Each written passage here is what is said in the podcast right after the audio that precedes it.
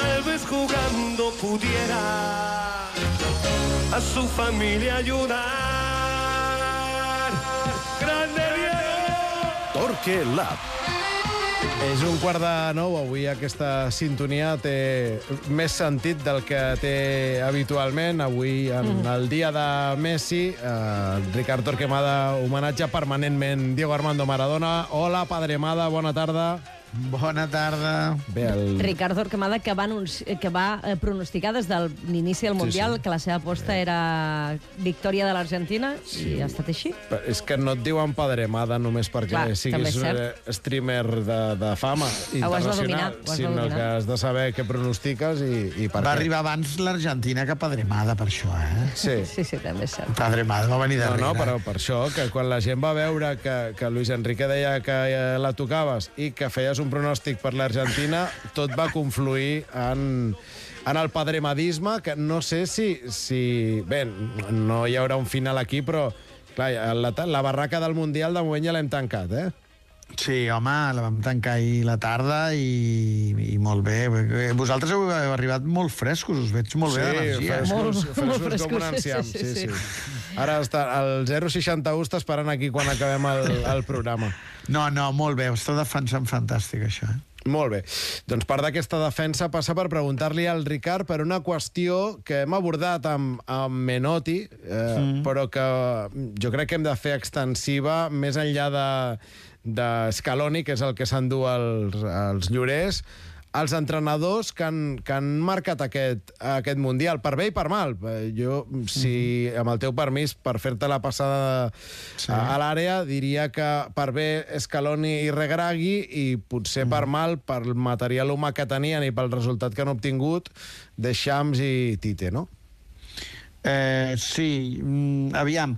Eh, bé, primer avui heu tingut la, la millor conversa possible, eh? heu tingut el millor interlocutor possible, sentir Menotti i sentir-lo després d'un dia com, a, com ahir també és històric per, per la ràdio i pel, i pel nostre departament d'esports. Eh? Estem parlant de, del, del gran mite.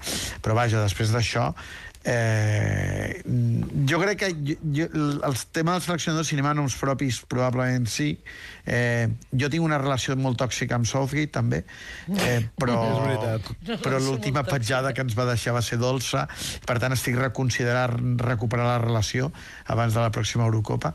Eh, però, però sí, saps què passa Jordi? que hi ha seleccions que... O sigui, la figura del seleccionador és la figura d'un entrenador estrany, no? Perquè és, és molt difícil fer obra d'entrenador entrenador. L'última Eurocopa ens havia deixat Luis Enrique i Mancini, que jo crec que ens van deixar dues obres d'entrenador espectaculars, que vam disfrutar molt, però que eren, eh, do, eren com dos equips, o sigui, eren les conviccions futbolístiques d'uns entrenadors, diguem que dirigides a, a una selecció.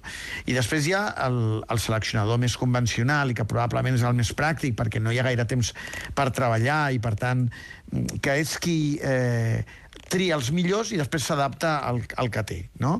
I aleshores aquí, clar, futbolísticament, eh, parlant de tornejos curts i parlant d'aquesta adaptació al que tens, el que fas és, són propostes que no hagin de ser gaire sofisticades. Per tant, totes les propostes proactives normalment necessiten molt més rodatge, molt més eh, treball quirúrgic, totes les propostes reactives poden estar dibuixades a, amb quatre pinzellades, a grans trets.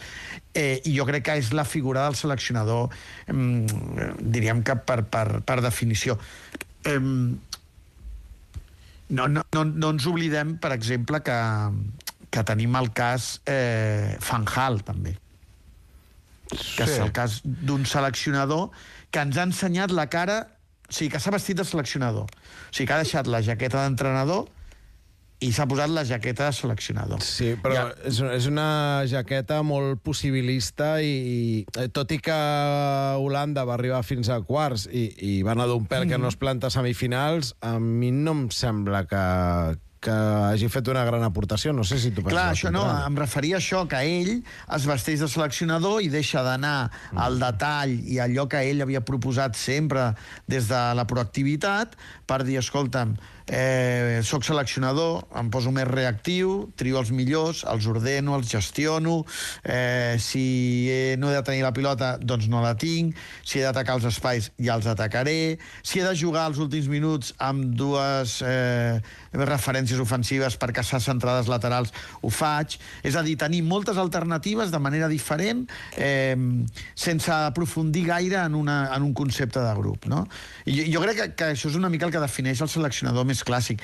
Pa, a mi, per exemple, Luis Enrique i Flick m'han semblat els entrenadors més entrenadors, els que han intentat treballar una obra d'equip sense gaire alternatives i que això probablement els hi ha passat factura perquè no han pogut canviar el guió, perquè tenien molt clar què volien i han fet una selecció respecte al que volien. Eh, I el que es porten tornejos curts en campionats com aquests jo crec que és una altra cosa. Molt bé, doncs el Ricard, per, per, per, això tenim un laboratori. Eh, eh, ens quedaríem així a, a l'engròs amb Scaloni i amb Regragui, però el Ricard va una mica més enllà i, i també posa en valor l'obra dels que no han reixit en absolut en aquest, en aquest Mundial, com, com Flick, que no va passar de la fase de grups, i Luis Enrique, que es va estar allà a vuitens de, de final. Pel que fa a entrenadors, alguna, alguna punt més que, que vulguis destacar?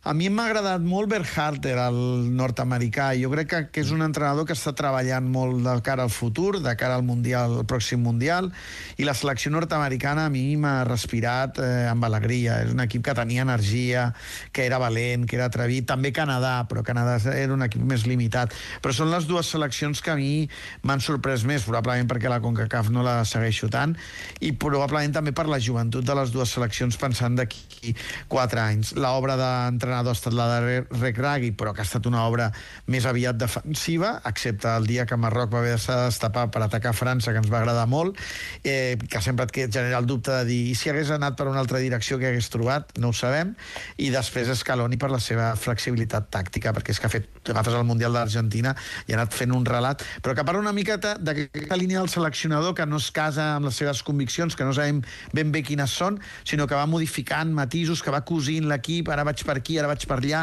ara m'apareix Di Maria, ara busco un tercer central, però tinc moltes alternatives, no? I aquí és on ha pogut triar i on ha pogut encertar cada dia amb el vestit que, que s'ha presentat. Vaja, el primer dia amb Aràbia Saudita no li va sortir gaire bé el vestit, però a partir d'aleshores sí. Mm, permetem que, que et demani un balanç dels seleccionadors catalans. Hi havia el Fèlix Sánchez Bas mm. i el Robert Martínez. El eh, Fèlix jugava, vaja, dirigia l'equip anfitrió i no els hi va anar realment bé, però en el mm. cas de Robert Martínez, que ha deixat la selecció belga després mm. eh, d'aquest eh, Mundial. Mm, volia Mira. saber què, què en penses del, de l'actuació sí. i si te l'imagines aviat entrenant a algun club. Mira, eh, eh, Sònia, que jo crec que, li, que aquest Mundial li arribava una mica tard pel que desprenia la generació des, de la qüestió de, des del punt de vista futbolístic, amb Hazard fora de, de, de circulació, amb Lukaku amb problemes físics, amb aquest punt de relleu generacional amb els centrals, eh, que hi ha alguns que, per exemple, Fermail ja no hi era, Fertongen ja és molt veterà... Mm, eh, S'ha quedat com a mig camí, no? Eh, jo, jo crec que els hi ha arribat massa tard al, al Campionat del Món, una convivència relativament erosionada pel que ens ha arribat. Tot i això, jo crec que el que ha fet el Robert Martínez és, és ha fet de seleccionador exemplar. Torno a, a fa quatre anys i ha fet el mateix que haurien fet els seleccionadors que els hi ha anat bé aquí. Tenim moltes alternatives, com aquell partit de Fellaini contra el Japó per remuntar, per despenjar pilotes quan estaven a la desesperada. És a dir, tenir com moltes, moltes, molts recursos i més enllà d'una idea col·lectiva eh, molt concreta d'obra d'entrenador. Eh, jo crec que ha fet un, un gran trajecte i que s'ha estavellat, no tenia una altra opció tampoc perquè, perquè em sembla que no podia, el que no podia fer era renovat tan ràpidament la millor selecció probablement de la història del futbol belga mm, pel que, pel que havia transmès aquest equip més enllà d'aquella Bèlgica dels, dels 80 i sí, me l'imagino aviat en... et diria que els seleccionadors que han saltat els seleccionadors joves jo crec que trobaran equip molt aviat molt aviat. I els que no en trobin serà perquè no volen, i penso, per exemple, en, en Luis Enrique, que si volgués entrenar ahir ja tindria... Vaja, Però a l'estiu, a l'estiu Luis Enrique triarà destí, no, Ricard? Home, jo crec que veurem aviam quines cadires hi ha lliures, però jo crec que eh, en aquest sentit el Mundial al desembre els hi ha anat de perfecte a tots uh -huh. aquests entrenadors per poder planificar el futur de cara al juny, no? Mm. Bé, això també ho veurem, sens dubte és un dels caramels eh, que poden, eh, que poden eh, endolcir un club que, que busqui un entrenador de primeríssim nivell. Ricard, gràcies. Descanseu, adeu.